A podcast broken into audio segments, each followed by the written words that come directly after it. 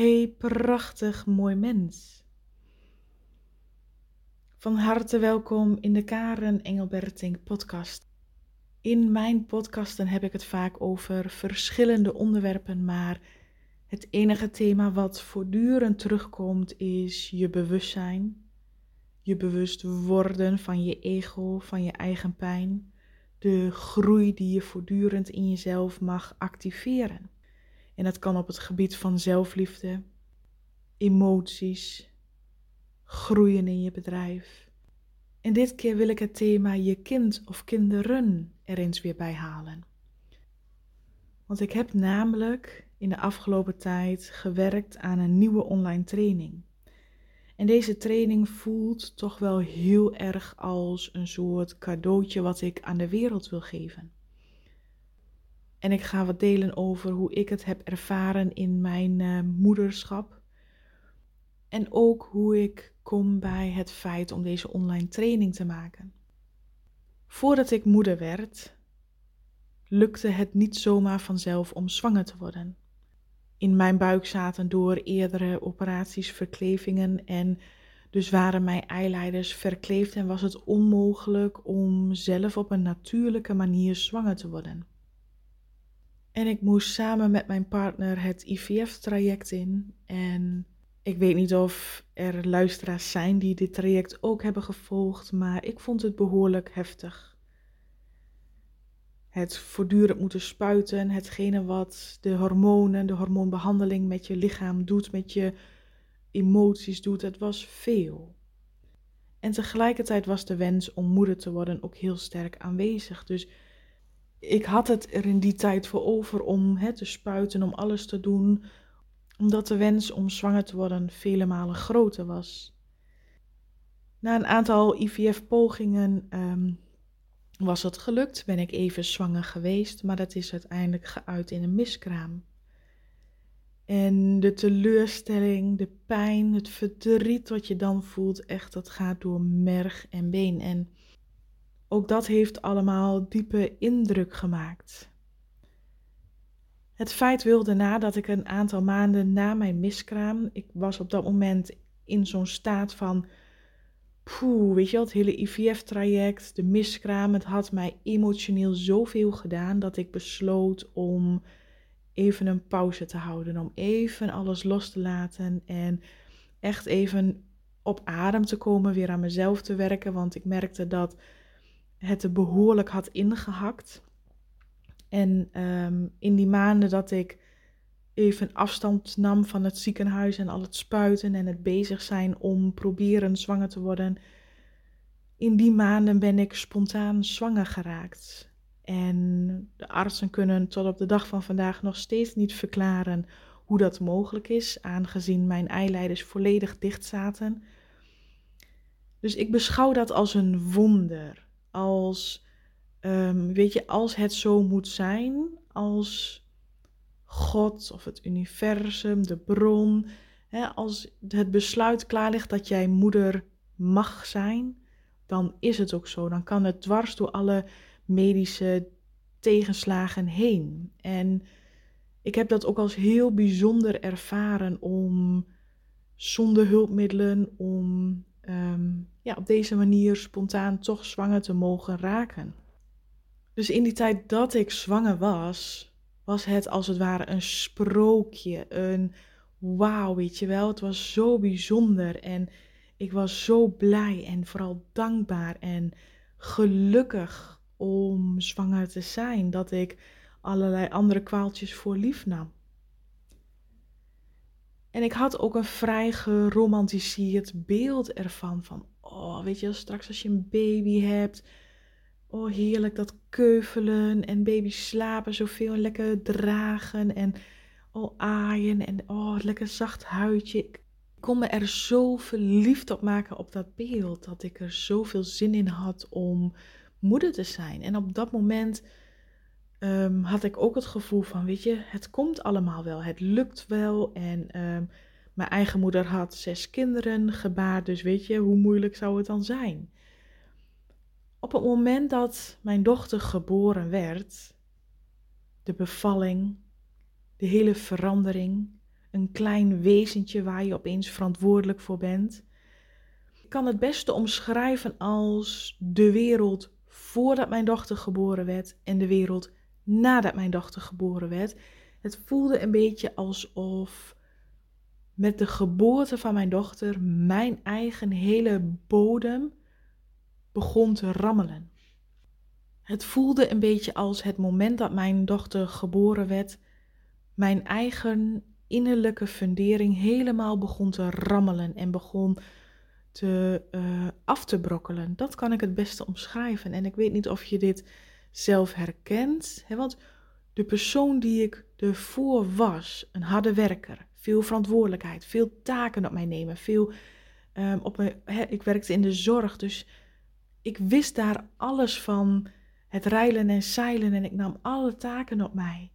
En dat deed ik nu met mijn dochter ook. Ik nam haar leven heel serieus en als ze huilde, dan keek ik gelijk wat is er aan de hand. En ik had een ontzettend lieve kraamverzorgster die mij dingen leerde, hè, dat je hebt te kijken. Maar ik wilde het zo graag goed doen dat ik volledig in paniek raakte als ze begon te huilen. Toen mijn dochter dus op de wereld kwam, heeft ze ontzettend veel gehuild. Ook de weken en de maanden daarna.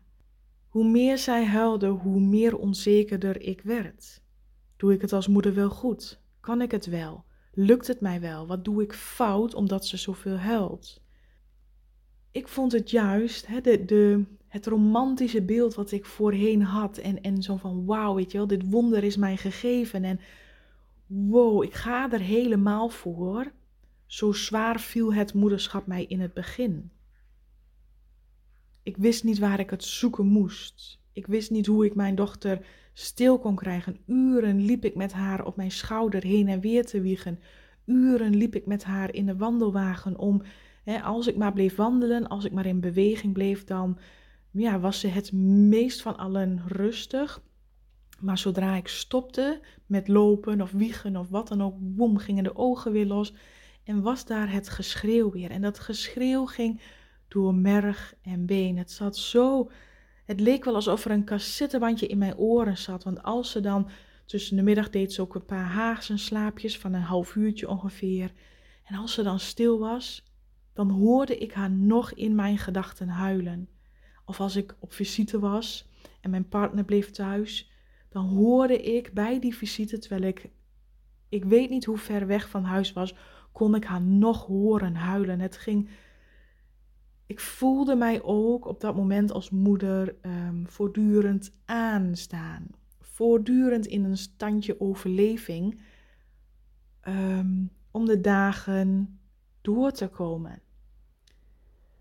Dus die romantische roze wolk die ik voorheen als beeld had en tijdens de zwangerschap, ik was daar letterlijk van afgeflikkerd.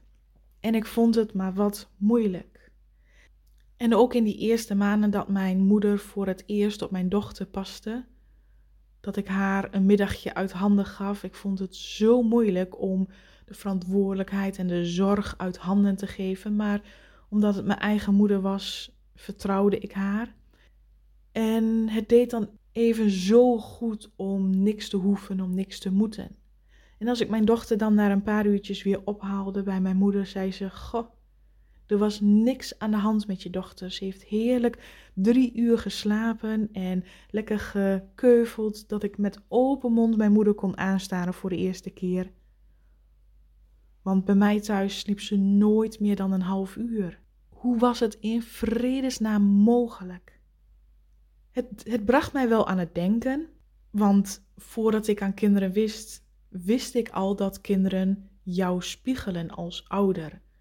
Ik wist dat als je als ouder nog onverwerkt trauma of verdriet of emoties of herinneringen hebt, dat je kind dat jou terug gaat spiegelen.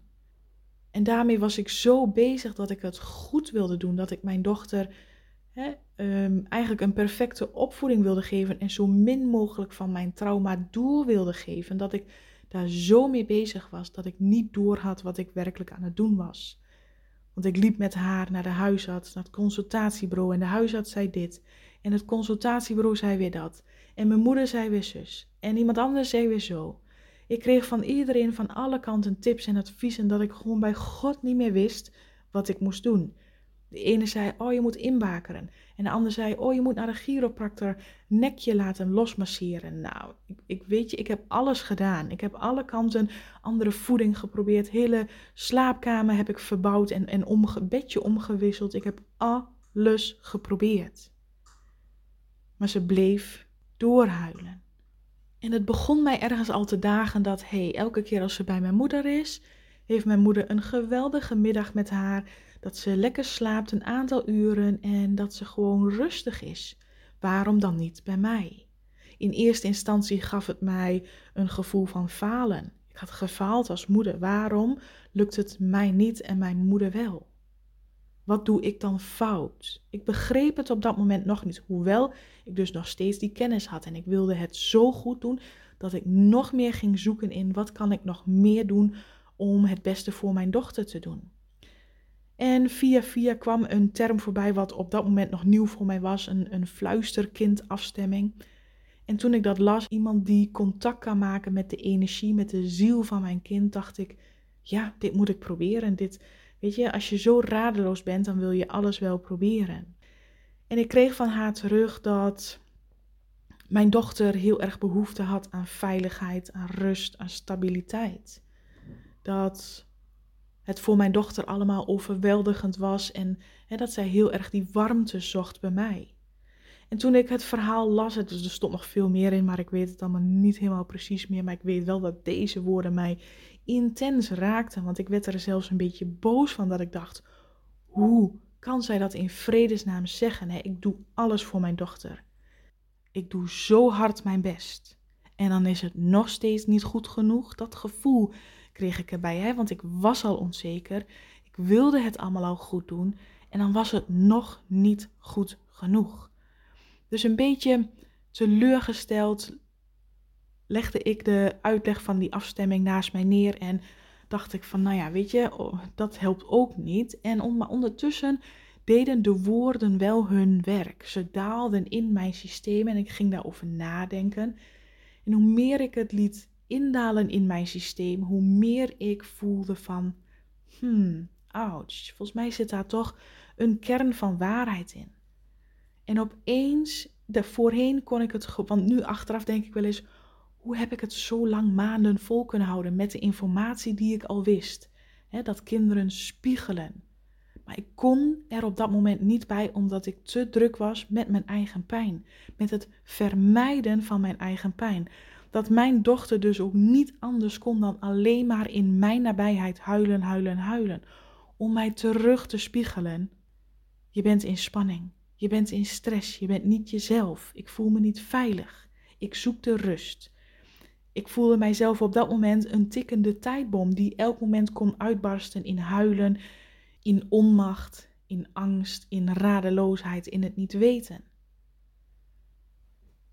Ik was er totaal niet voor mijzelf. Ik was helemaal niet ontspannen in mijn nieuwe rol, in mijn nieuwe taak als moeder. Ik vond het zo erg dat ik voortdurend mijn moeder, de huisarts, iedereen maar vroeg: hoe zou jij dat doen? Wat zou jij doen? Hoe heb jij dat gedaan? En van iedereen kreeg ik verschillende tips dat ik daar nog meer onzeker van werd.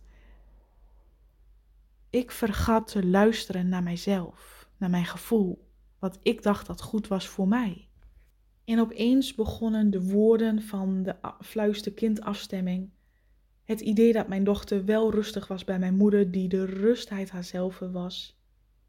Opeens besefte ik het. Ik ben hier het probleem, niet mijn dochter. Ik wilde alles wel in werking zetten om mijn dochter van het huilen afkrijgen, dat ik vergat dat de oplossing in mij lag. Want kinderen voelen energie. En als de energie druk en onrustig is en verward is, dan voelen zij die verwardheid ook. Het feit als ik nu terugdenk aan hoeveel spanning mijn dochter gevoeld moet hebben van mij, hoe onzeker ik was, hoe angstig ik was, hoe gestrest ik was om alles goed te willen doen. Dat ik voorbij ging aan het feit dat ik ontspannen mag zijn. Dat ik heus wel eens foutjes mag maken, dat ik het moederschap juist mag leren. Dat ik juist mocht ontdekken wie ben ik als moeder? Hoe wil ik het op mijn manier doen? In plaats daarvan wil ik de perfecte manier doen. Maar mocht je jezelf daarin herkennen, helaas, de perfecte manier bestaat niet. Alleen jouw eigen unieke manier, wat goed voelt voor jou, wat helemaal past bij jou. Dat is de perfecte manier. En in de maanden daarna leerde ik dat ook. Besloot ik ook om heel veel en goed voor mezelf te zorgen. Dat als mijn dochter huilde, dat ik dus niet meer dacht: heb ik weer wat fout gedaan? Of waar ligt het aan? Of wat moet ik doen? Maar dat ik dacht: oh, als mijn dochter huilt, ben ik weer gespannen. Ja, ik voel het, ik voel het, ik durf het toe te staan. Wat kan ik nu doen om even tot rust te komen? En dan ging ik alsnog samen met haar wandelen of even een boekje lezen of muziek opzetten waar ik rustig van werd. En zodra ik rustig werd, werd zij ook alle minuut rustig. En nu zeg ik niet dat het per se daaraan ligt, hè, want bij de huisarts was ook, kwam ook reflux uit dat zij dat had en allerlei andere dingen. Dus ik weet heus dat er ook andere kinderen zijn die huilen, dat er ook echt wat aan de hand is. Maar het feit dat ik probeer te zeggen is hoe rustiger ik werd, hoe minder zij huilde, hoe meer ik haar als baby zag ontspannen. Voor mij was dat een één op één bewijs en gevolg van wow, die spiegels werken echt, maar dan ook echt letterlijk. En de maanden en jaren daarna heb ik mij daar zo veelvuldig in verdiept om te leren begrijpen wat mijn kind mij spiegelt hoe je de spiegels moet interpreteren, hoe je daarna kunt kijken. En ik voelde toen al de wens om daar ooit een online training over te maken. Alleen het kwam er niet van en ik wilde weer te graag om alles goed door te geven. En ook hier dacht ik weer, oh wat mooi hè, hoe zich dat zo ontvouwt. En in mijn eigen reis van de afgelopen jaren en deze eerste maanden, weken van het nieuwe jaar, oh my, ik zit in zo'n proces van volledige overgave. Volledige overgave aan dat wat er door mij heen komt en dat volgen. Niet bedenken die ideeën en nu ga ik die training maken en nu ga ik dit doen en nu ga ik dat doen. Maar alles loslaten en vanzelf omhoog laten komen. Van binnenuit het gevoel omhoog laten komen en het volgen. De innerlijke sturing, de innerlijke leiding volgen. Niet bedenken en platwalsen met je hoofd dit heb ik jarenlang gedaan, maar steeds meer van binnenuit volgen. En ik zie nu nog steeds, inmiddels is mijn dochter al zeven jaar, hoe zij verandert op het moment dat ik een spiegel integreer, begrijp, een trauma of pijn in mijzelf heel en verander. Op het moment dat ik verander in mij, verandert mijn dochter met mij mee. En zo was het begin dit jaar de roep volledig van binnenuit van dit is het moment om de online training te maken en ja, te geven. Het voelt echt als een cadeau wat ik aan de wereld mag geven. Want hoeveel mensen ik de afgelopen tijd ook heb gesproken, hoeveel moeders, hoe zij vertellen over hun worsteling met hun kind. Van ach, mijn kind is zo druk en mijn kind dit en oh, ik word toch helemaal gek van dat. En ik snap het ik snap dat hè, als kinderen jou precies op je zere plek prikken en porren, dat dat vervelend is. Maar als we die spiegel niet begrijpen en er ook vooral niets mee doen, blijven we steeds in de vicieuze cirkel. En jouw kind zal onbewust met alle liefde door blijven spiegelen. Zolang jij de spiegel snapt, zal zij het met liefde doen. Jouw kind of kinderen nemen met liefde jouw pijn op zich. En dat is het feit, mijn drive persoonlijk om, als ik niet mijn pijn aankijk, neemt mijn kind met liefde mijn pijn op zich om het mij terug te spiegelen. Maar ze neemt wel mijn pijn op zich. En als ik de spiegel niet begrijp, houdt zij die pijn bij zich. En zo geef je generatie na generatie de onverwerkte pijn door. Jij hebt het zelf hoogstwaarschijnlijk van jouw moeder doorgekregen. Als er niemand in de generatie is die bewust naar de pijn wil kijken, blijf je het doorgeven. Blijft een kind net zo lang spiegelen. Dus hoe meer jij leert te kijken naar je kind, niet als een vervelend druk kind dat hè, onhandelbaar is of, of uh, ja, dingen zegt of doet wat voor jou pijnlijk is, maar als je leert zien wat wil mijn kind mij spiegelen. Hoe mooi is dat? Want ik zeg ook altijd, Ieder mens wil zijn kind gelukkig zien. Als jij een kind of kinderen hebt, dan is het ja, als moeder het meeste wat je kan raken als je kind ongelukkig is. Dus tuurlijk wil iedereen dat zijn kind gelukkig is, maar dat doe je niet door je kind te verwennen of hè, je kind te beschermen voor allerlei pijn of, of teleurstellingen of het kind om te kopen of wat dan ook. Maar je doet dat door aan jezelf te werken, door jouw pijn op te ruimen. En ik snap, voor heel veel mensen is dit nieuw, dat dit compleet um, verwarring kan scheppen van hè, maar het is zo mooi om hierin te verdiepen, om dit jezelf te gunnen en om te begrijpen. Want hoogstwaarschijnlijk weet je het wel. Als je naar je eigen kind of kinderen kijkt, denk je, ouch, dat is een replica van mij of mijn partner. Je ziet gewoon dingen van jezelf terug. Sommige dingen zijn leuk, maar heel veel dingen ook niet. Je geeft letterlijk door wie jij bent, inclusief al jouw onverwerkte pijn. Tot het moment, want energetisch ben je verbonden met je kind, ook als ze volwassen zijn. Dus vanaf het moment dat jij jezelf toestaat jouw eigen pijn te willen helen, de spiegels van jouw kind te willen snappen, zal jouw kind automatisch mee veranderen. En daar doe ik het voor. Dat is mijn persoonlijke. Ik wil mijn kind gelukkig zien. Wilde ik al van baby af aan. Ik wilde haar zo gelukkig maken. Maar dat lukte niet door allerlei externe dingen erbij te betrekken. Vanaf het moment dat ik in mijzelf begon te investeren en haar spiegels begreep, werd zij een rustige baby en daarna een heel ander kind. En nog steeds, ook al is ze zeven jaar, ze blijft me spiegelen, elke keer weer op een diepe level. Ik zie haar in een seconde mee veranderen op het moment dat ik haar spiegel begrijp. En dat is zo mooi en dat wil ik jou meegeven in mijn nieuwste online training die ik gemaakt heb, die beschikbaar vanaf nu is voor de wereld. Ik ben zo trots en zo dankbaar om hem met jou te mogen delen. En op het moment dat jij zegt: Ja, ik wil die spiegels ook begrijpen. Ja, ik wil ook mijn kind gelukkig zien en begrijp dat ik bij mezelf heb te beginnen. Dan is dit het moment om de online training jezelf te gunnen en hierin te leren. Mijn zeven jaren lange persoonlijke ontwikkeling, alle inzichten, alle oefeningen, alles wat heeft bijgedragen aan mijn eigen groei om mijn kind beter te begrijpen, om de spiegels te leren. Heb ik allemaal samengevormd, krachtige tools, waardevolle inhoud voor jou. Om het ook te mogen leren, om het ook te mogen toepassen. Zodat wij als ouders, hè, de generatie na ons en alle generaties hierna, een vele vrijere toekomst gunnen.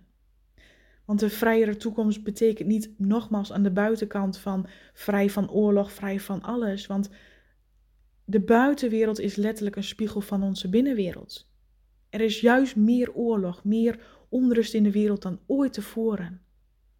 Omdat het ook nog nooit zo belangrijk is geweest dat wij aan onszelf gaan werken. Hoeveel mensen nu op dit moment intern met zichzelf oorlog voeren. Alles is een spiegel van binnen en buiten van buiten naar binnen. Dus wil jij je kind een betere toekomst geven, begin bij jezelf. Alles begint van binnen. Oké, heb je hier vragen over? Ik wil je graag te woord staan. Ik ben altijd bereid hier meer over te delen, mijn visie hierover. En voor nu hoop ik dat je heel veel gehad hebt aan deze podcast. Mocht je hier absoluut verder in door willen gaan, ontmoet ik je graag in mijn online training. En anders wil ik je voor nu bedanken voor het luisteren en wens ik jou een hele fijne, liefdevolle dag.